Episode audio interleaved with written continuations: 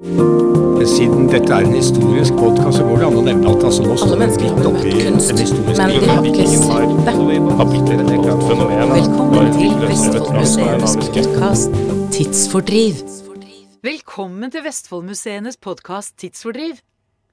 Du lytter nå til del to av vår aller første produksjon Det angår også deg.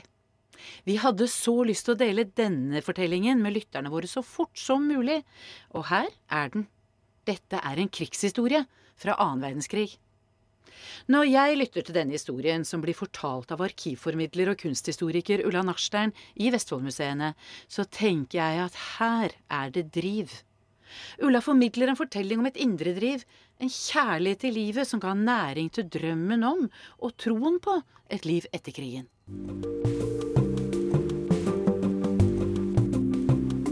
Tidsfordriv.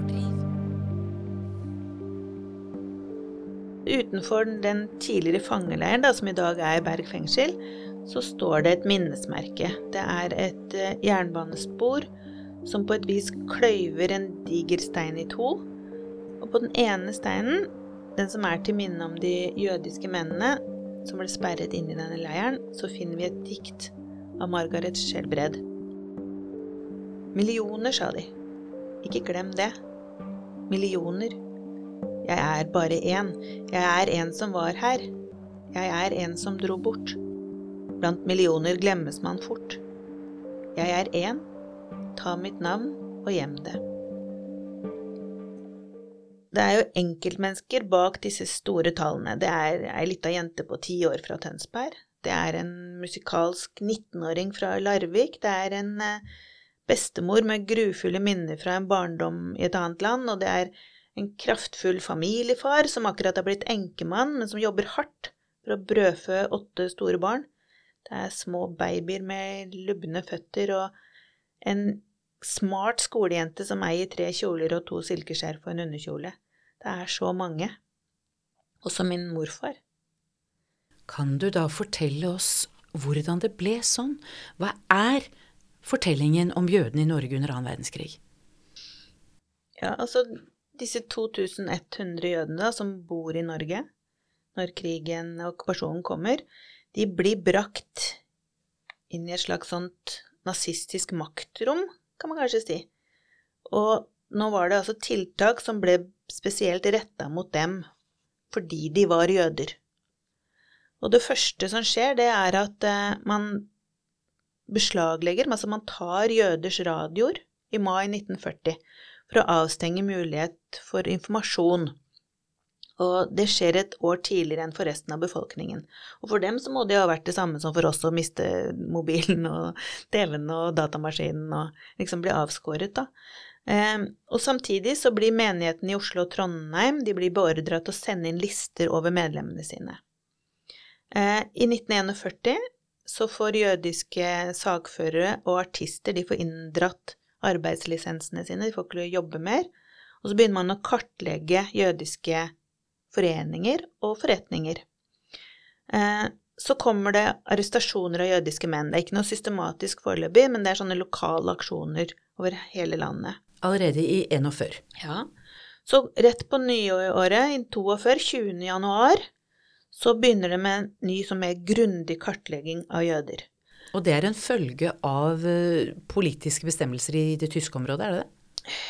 Det, som skjer i hvert fall, det er at man i landets aviser så blir det trykket en kunngjøring eh, om stempling av jøders legitimasjonskort.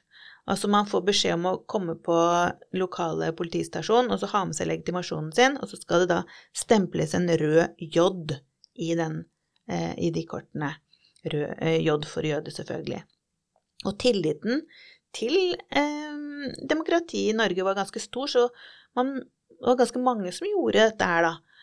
Eh, og i denne kunngjøringen så blir det også ramset opp hvem som er å anse som jøde, og det er altså den nazistiske definisjonen, da. Og det var den som nedstamma fra minst tre fulljødiske besteforeldre.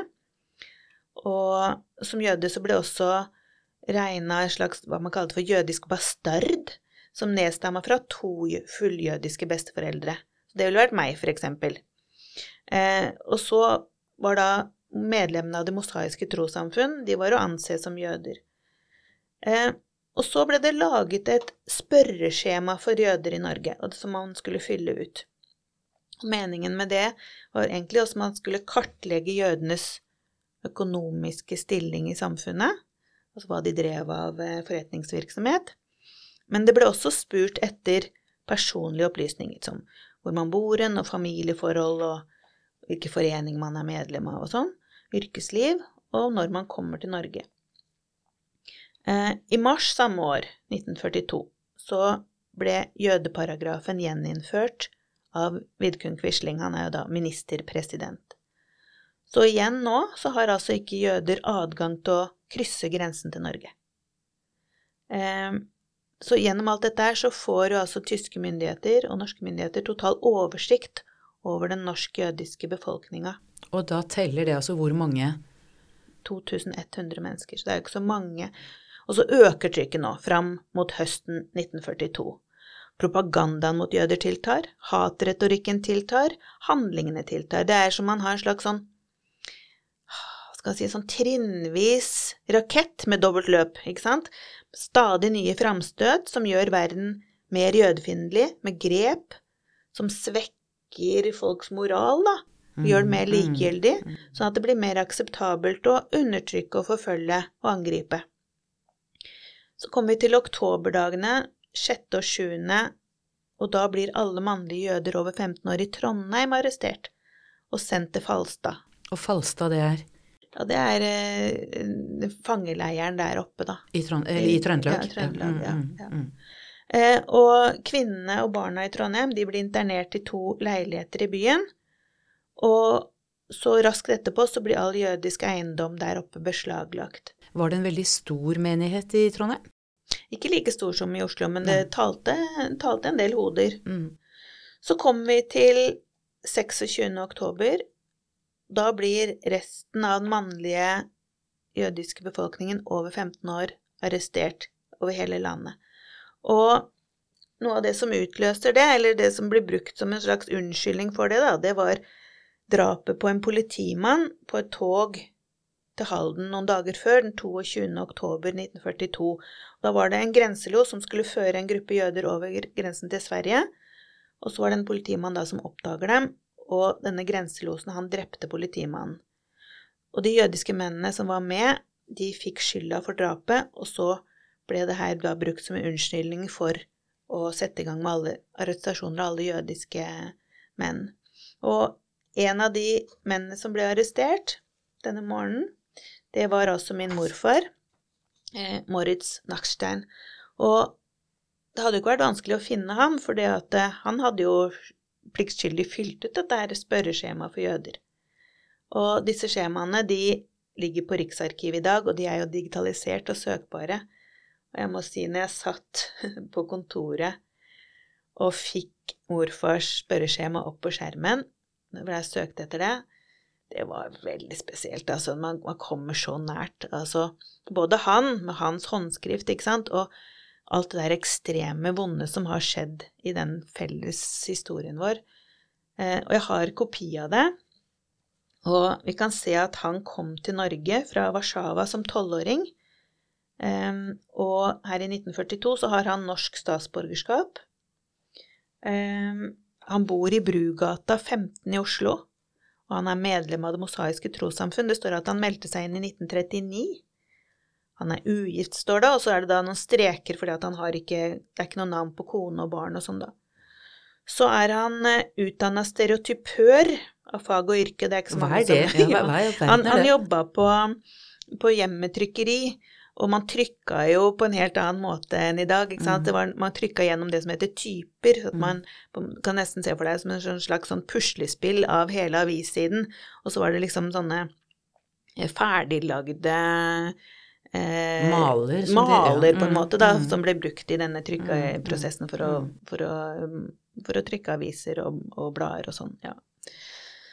Så det hadde han ansvar for der, og han var fagorganisert gjennom jobben sin. Eh, så står det at han er norsk av nasjonalitet, og han har eh, kommet til Norge i mars 1915.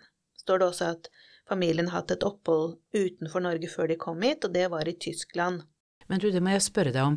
Altså, han hadde norsk statsborgerskap. Eh, hadde de fleste jødene det? Det var det ikke alle som hadde. Nei. Det var mange som man ser etterpå som var statsløse, rett og slett, som ikke fikk eh, Eller ikke hadde søkt om det heller. Så, så på langt nær alle hadde norsk statsborgerskap, men han hadde altså det.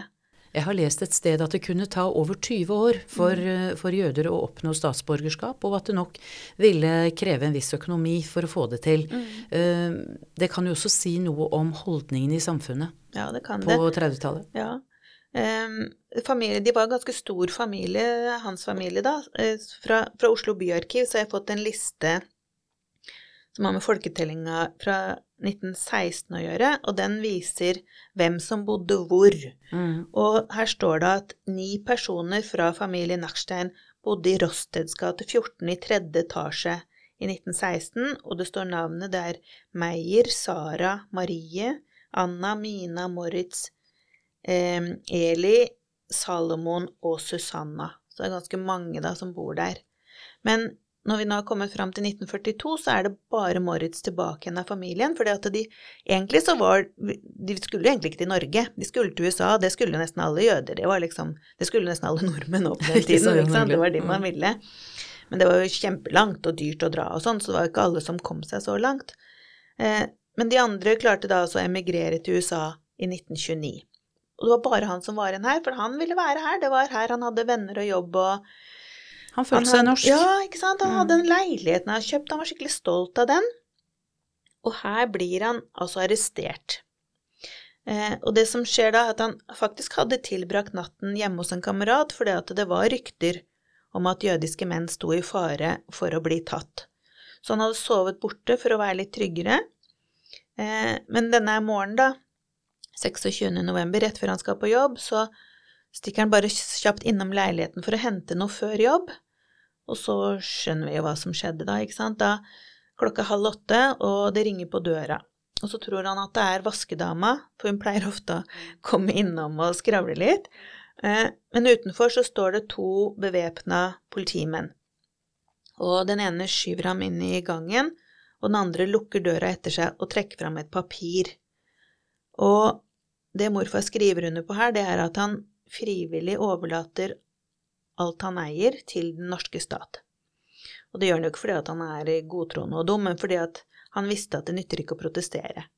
Eh, Det han ikke visste her, det var at det samme dag så hadde Quisling kunngjort en ny lov, og den har langt navn, det heter Lov om inndragning av formue som tilhører jøder. Verdien av alt jøder eide, skulle altså rett i statskassa, at denne dagen så hadde på en måte alle jøder gått konkurs. Eh, og de som skulle holde i det, alle disse konkursboene, da, det var det nyoppretta kontoret som het Likvidasjonsstyret for inndratte jødiske formuer. Og bare kjenne på dette ordet, Ja. likvidasjon. Hva ligger i det? Ja, det betyr jo å utrydde, Ja, ikke sant. fjerne, tilintetgjøre. Og de visste da allerede alt hva jødene eide, for dette hadde de da registrert på forhånd. Ja, altså, ikke, det ble registrert nå, Mm. ja, når det ble tatt, ikke sant. Eh, Så bare navnet vitner jo om hvor kalkulert dette her er. Men det er klart, altså, hvis du planlegger å utrydde ti millioner mennesker, så legger man jo antagelig en plan for hva man skal gjøre med verdiene som etterlates.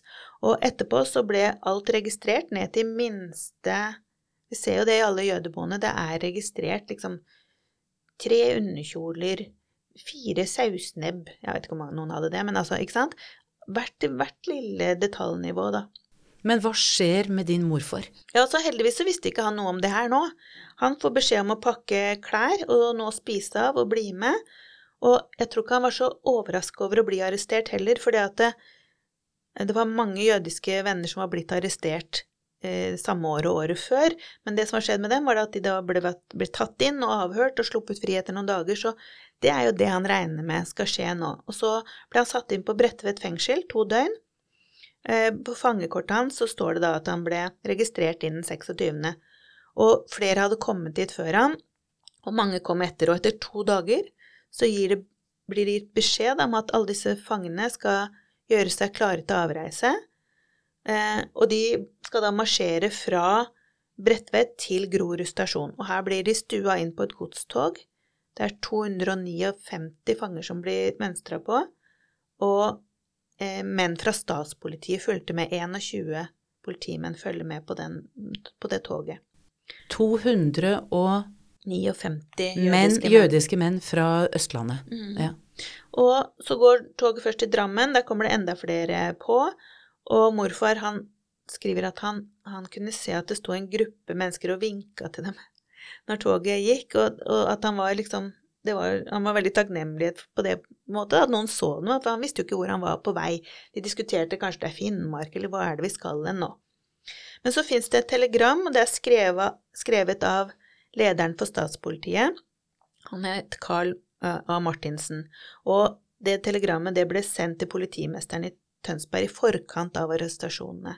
Og her står det at alle mannlige personer over 15 år, hvis legitimasjonskort er stemplet med J, skal arresteres uansett alder oppover og transporteres til Berg interneringsleir i Tønsberg.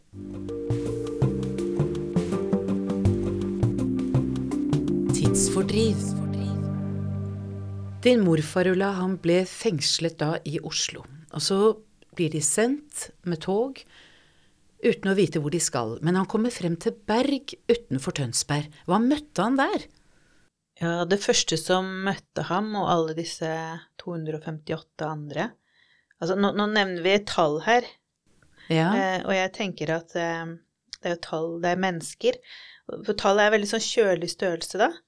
Så jeg tenker at hvis man skal hente fram det her, hva var det som møtte dem, så må man liksom tenke at det var, det var mennesker som møtte, møtte det. Um, for det er det som gjemmer seg bak alle disse tallene, ikke sant? Enkeltskjebnene. Enkelt enkel- ja, ja. Og det er jo nettopp i lys av det at jeg tenker at du er helt spesielt plassert å fortelle den historien, fordi det gjelder din morfar. Ja. Og, og det som møter han der, eh, det er eh, leirens nestkommanderende. Han het Leif Linseth, og han står der breibeint med pistol på siden. Det er mange kilder som forteller om dette her. Og han holdt en tale som var spekka med trusler. Eh, for det første så var det jo tidens krav at jødene nå var arrestert. Det var en forklaring på det. Og de ville bli skutt dersom de forsøkte å rømme, og for hver rømling så ville det bli skutt både familiemedlemmer og medfanger. Så det er jo litt av en velkomst de får. Så møter de altså en fangeleir som er helt uferdig. Eh, Vallestad, som hadde hatt ansvar for å bygge opp denne leiren, blir, han blir på en måte tatt på senga av denne fangetransporten, fordi at, at så mange av de arresterte jødiske mennene skulle havne hos ham allerede fra 26. oktober, for det var mange som kom fra nær, nærområdet direkte dit, 26. Det var ikke med i hans planer, eh, og han forsøkte egentlig å protestere overfor statspolitisjefen. Det fins det kilder på, fordi at alt utstyret mangler. Men der blir han overkjørt. De jødene de var på vei, og de skulle komme. Så nå sto altså alle disse jødiske mennene der. Og de ble stua inn i tre nakne brakker, hvor alt mangler. Det var ingen ovner der, det var ingen stoler eller bord eller senger, det var ikke kjøkken og ikke vann, og det var heller ingen doer. Og det siste var jo helt krise, ikke sant, for morfar forteller at de fikk noe kålsuppe da de ankom, og det er mange kilder som forteller om akkurat dette her, og det er fordi at den kålsuppa, den var visstnok sur.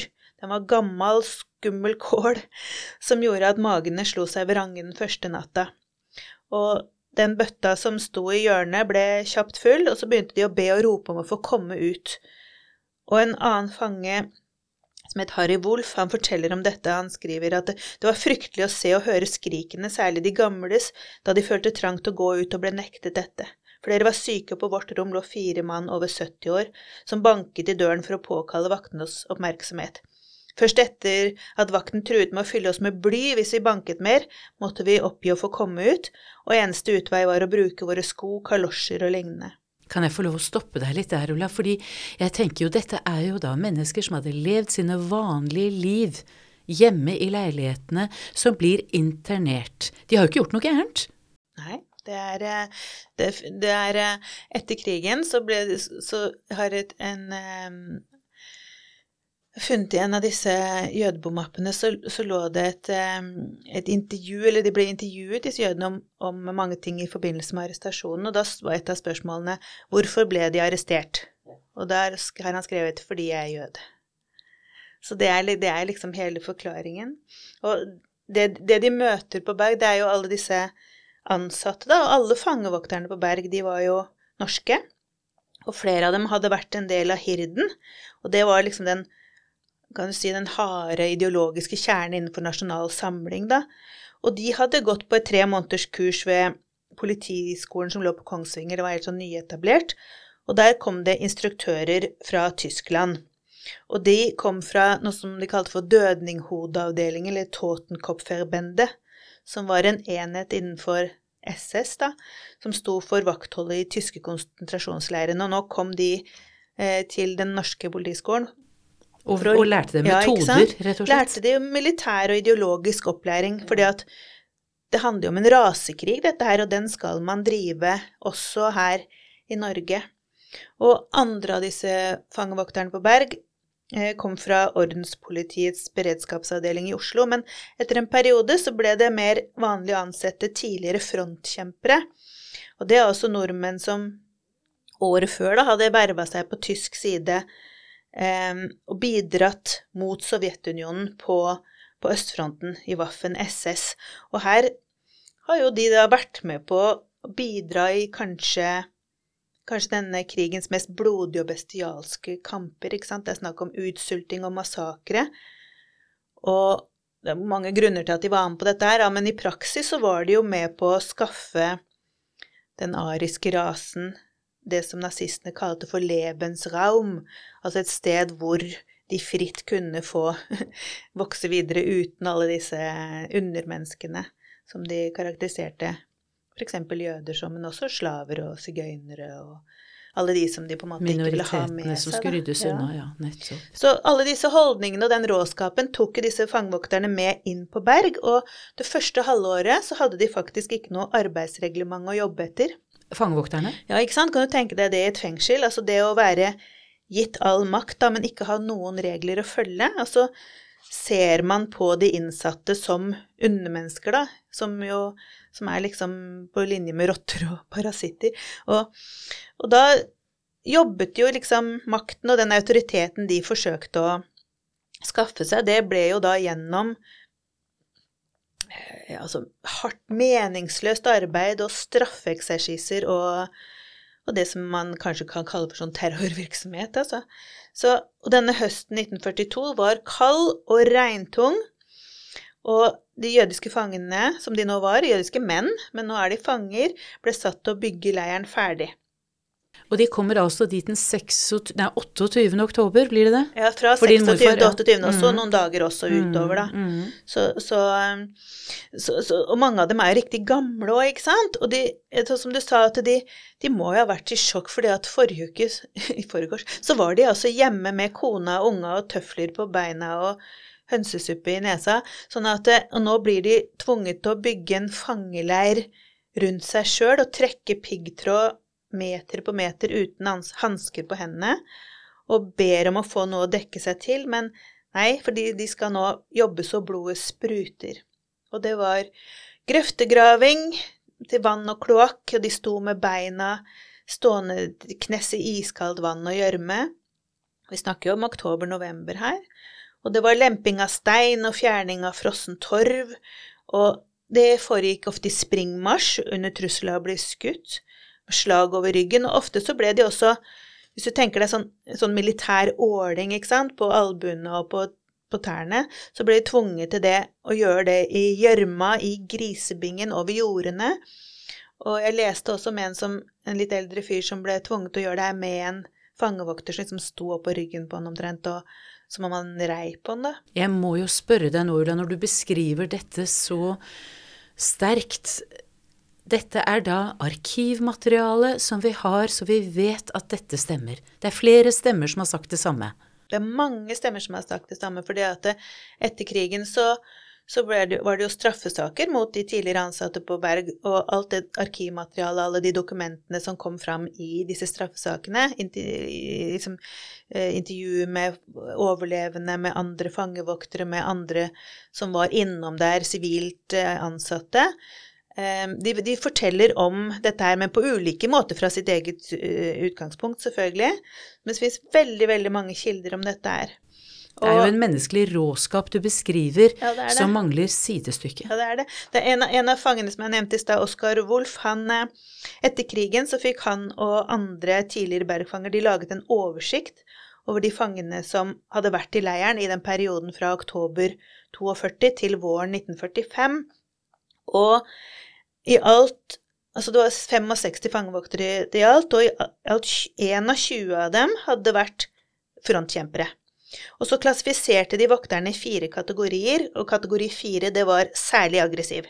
Tre var mindre aggressiv, to var noenlunde god oppførsel, og én var bra oppførsel, upåklagelig, altså at man gjorde bare jobben sin, da. Og så var det noen som satte en strek under tallet fire, det skulle markere sadistisk opptreden mot fangene. Og 25 av dem fikk altså en sånn eh, En sånn eh, særlig aggressiv kategori, og 18 av de 25 hadde utvist sadisme i behandlingen av disse jødiske mennene. Og Dette er norske menn? Dette er eh, norske, norske, menn, ja. Eh, men man kan jo liksom tenke på, eller lure på, hva, hva tenkte omverdenen, da? Eh, og det var jo naboer omkring, og jeg har hatt en del eldre i salen når jeg har holdt foredrag. Og flere har kommet bort etterpå og sier at de var småbarn da det skjedde, men de bodde i området. De, de husker liksom hvordan disse jødene kom over jorden, og de husker at det ble snakka om. Og en av de som virkelig gjorde noe, det var faktisk overlegen på Vestfold fylkessykehus, som det het da. Han het eh, Anton Jervel, og han var også leder av Røde Kors i Tønsberg.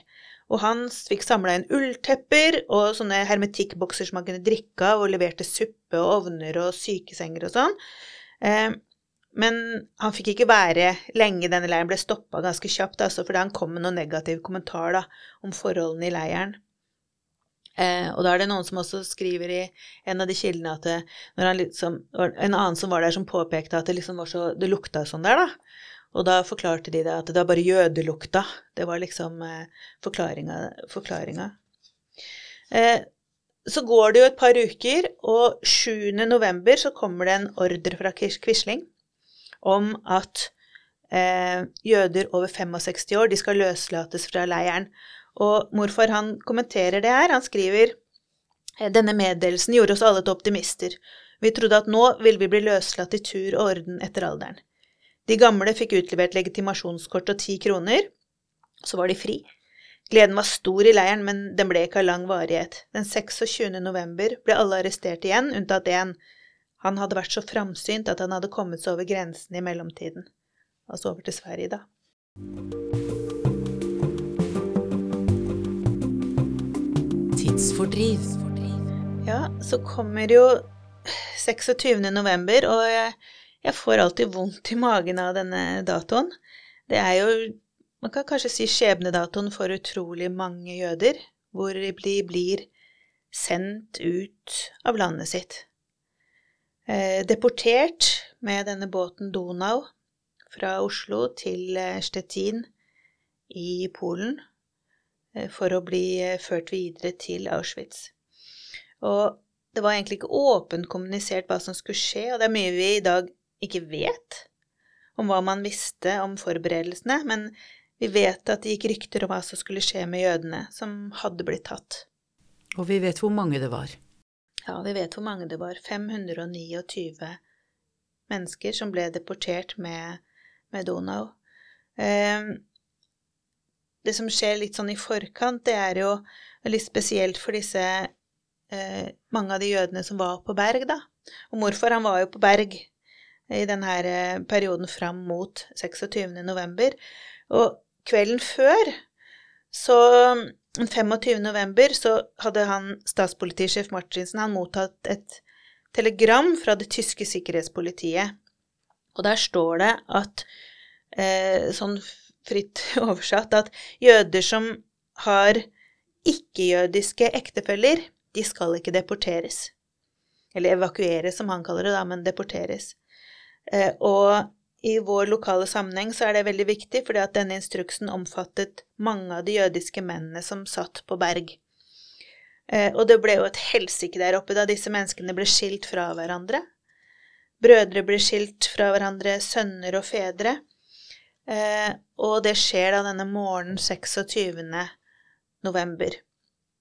Eh, det går veldig fort. Eh, det kommer en sykebil fra Tønsberg eh, ned fordi at det var en del fanger som var lagt inn på sykehuset der, og blant de syke så var det blant en med hjerneblødning som måtte bæres på båre. Det var et par unge gutter som var operert for blindtarmbetennelse, blant annet Herman Saknowitz fra, fra Larvik. Og så blir altså 227 jødiske menn sendt ut av leiren, ført over jordene der og ned skrenten til jernbanelinja. Og det er tjenestemenn fra statspolitiet i Oslo som frakter dem ut. Og ifølge rapportene deres så gikk det veldig sånn stille og rolig for seg, og alle blir ført om bord i et godstog som står der og venter, og det er det NSB som har stilt det til rådighet. De syke de blir plassert inn bakerste vogna sammen med professor Epstein, som har fungert som leirens lege, altså en av de innsatte. Og det toget forlater Berg stasjon halv seks om morgenen og er framme i Oslo ved titiden. Og morfar han skriver klokka ti torsdag i morgen var vi i Oslo. Vi passerte Vestbanen, kjørte over Tordenskiolds plass og fram til gamle Amerikalinjens skur. Donau lå allerede og ventet på oss, og vi begynte så smått å forstå. Kvinner og barn ble jaget om bord sammen med de gamle som i forveien var blitt løslatt fra Berg. Syke fanger som var kommet fra Bredtvet, var satt til å bære matvarer om bord i båten kål, poteter og brød. Samtidig så ble det lastet inn kjeksbokser som viste seg å inneholde meierismør.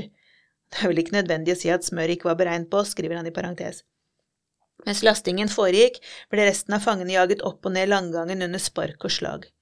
Vi som ennå ikke var ropt opp, sto på brygga og var passive tilskuere til all denne elendigheten.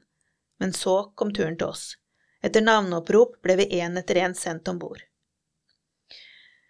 Det var mange der. Eh, denne største gruppa da, av disse jødene som, som ble ført om bord på båten, det var disse mennene fra, fra Berg.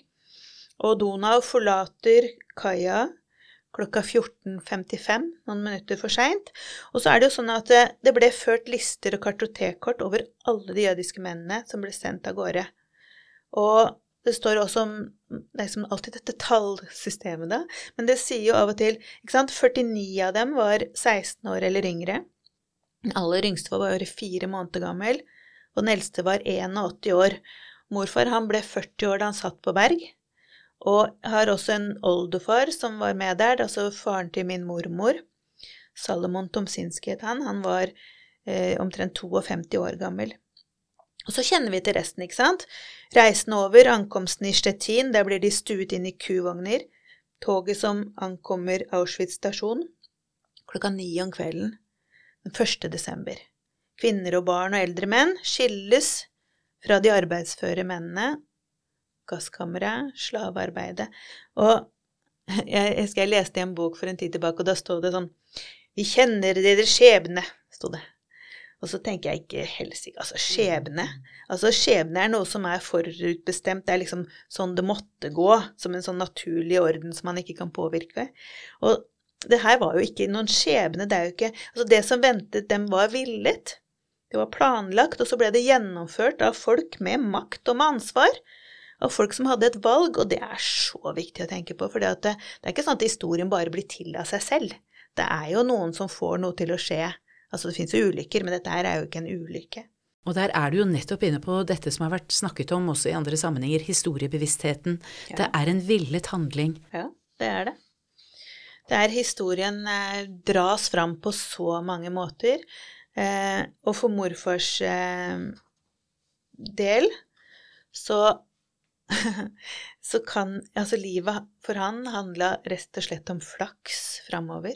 Noen ville jo si uflaks. Ja, uflaks, men allikevel flaks i det hele, fordi at du vet, av disse 529 mennene så var det ni som overlevde. Kan du tenke deg? Og det var 771 som ble deportert totalt, for det var flere deportasjoner.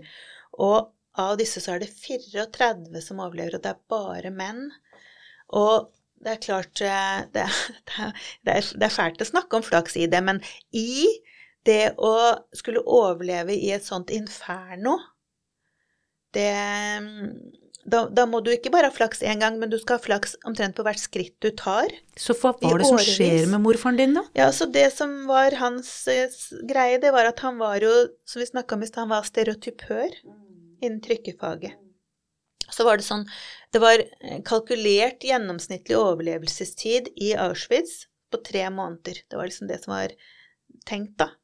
Eh, og da morfar hadde vært der i tre og en halv måned, eh, så had, ble han sendt på sykestua. Han hadde fått dysenteri, altså alt det han spiste, bare rant bare rett ut. Han hadde vært sånn lammelser i en arm og fått noen sår og byller over hele kroppen som ikke ville gro. Og han veide 47 kilo og regna med at det å komme inn på det sykehuset, eller sykebrakka, eh, som det jo var, det betød slutten. fordi at hver morgen der så ble de syke fangene de ble kledd nakne, og så ble de satt opp på rekke, og så kom det da en lege inn og sjekka dem, og så ble det da vurdert skal man tilbake til arbeid eller i gasskammer.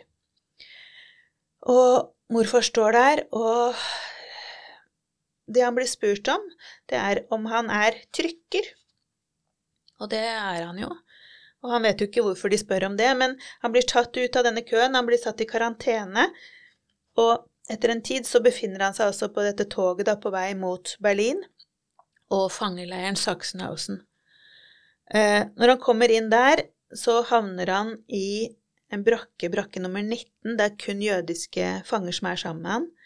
Det er piggtrådgjerder rundt, og vinduene er blenda igjen. Og så får de beskjed om at alle sammen er blitt valgt ut på bakgrunn av den profesjonen de har. Altså den jobben, den jobben mm, yrket mm, de har. Mm. Eh, de er med i en eh, operasjon som het Operasjon Bernhard, som er en slags sånn hemmelig dødskommando. Og det de skal gjøre, er å rett og slett forfalske engelske pund for Nazi-Tyskland. Falske penger skal produseres og trykkes opp i et enormt opplag, og så skal det tas med i fly og slippes over Storbritannia folk på en måte skal vasse i penger, sånn at landet blir overflommet av falske sedler. Eh, britisk økonomi skal rett og slett destabiliseres, som det heter. ikke sant? Inflasjon, mm, konkurser, mm, ja. Mm. Sånn at man ikke har noen økonomisk evne til å drive krigføring mer, og da er det jo game over. Eh, jeg husker da jeg var liten og hørte om dette, det er jo mange faser i det å forstå dette her jeg som tenkte først da jeg var liten Hæ, har han vært i fengsel? Var han tyv? Altså, mm. det er liksom ja, ja, det er til å liksom, ta inn over seg hele dette her. Og så tenkte jeg i en periode at det må jo ha vært et vanvittig dilemma for han å være med på, ikke sant? Og skal prøve å være med på at uh, disse skal vinne krigen, da. Men, men antagelig så Jeg vet ikke om man tenker sånn. Man vil leve. Man jeg tror det er så sterk drivkraft i oss, altså. Nei, Men han hadde vel ikke noe valg? Nei, altså kan, kan, man kan jo velge å bli skutt på en måte, da, ikke mm. sant. Men, men for, å, for, å, leve, så, så, så, han, så, mm. gjør man jo dette her. Mm. etter drøye to år så ble Sachsenhausen evakuert. Eh, og da hadde fangene trykket opp, har man i ettertid funnet ut, 8 965 080 falske sedler, og den hadde en samla verdi på over 134 millioner pund. Det er ganske mye den tiden, da. Så morfar og de andre falskmyntnerne, de blir tatt ut av leiren. De blir flytta til Matthausen i Østerrike. Og så blir de beordra ut på en marsj. Det var jo mange marsjer i den tiden her. Mot Ebense, og der var det meningen at de skulle bli drept. Eh, og imidlertid så var det faktisk fangeopprør i leiren da de ankom. Og falskmynterne de ble spredt ut blant de andre fangene.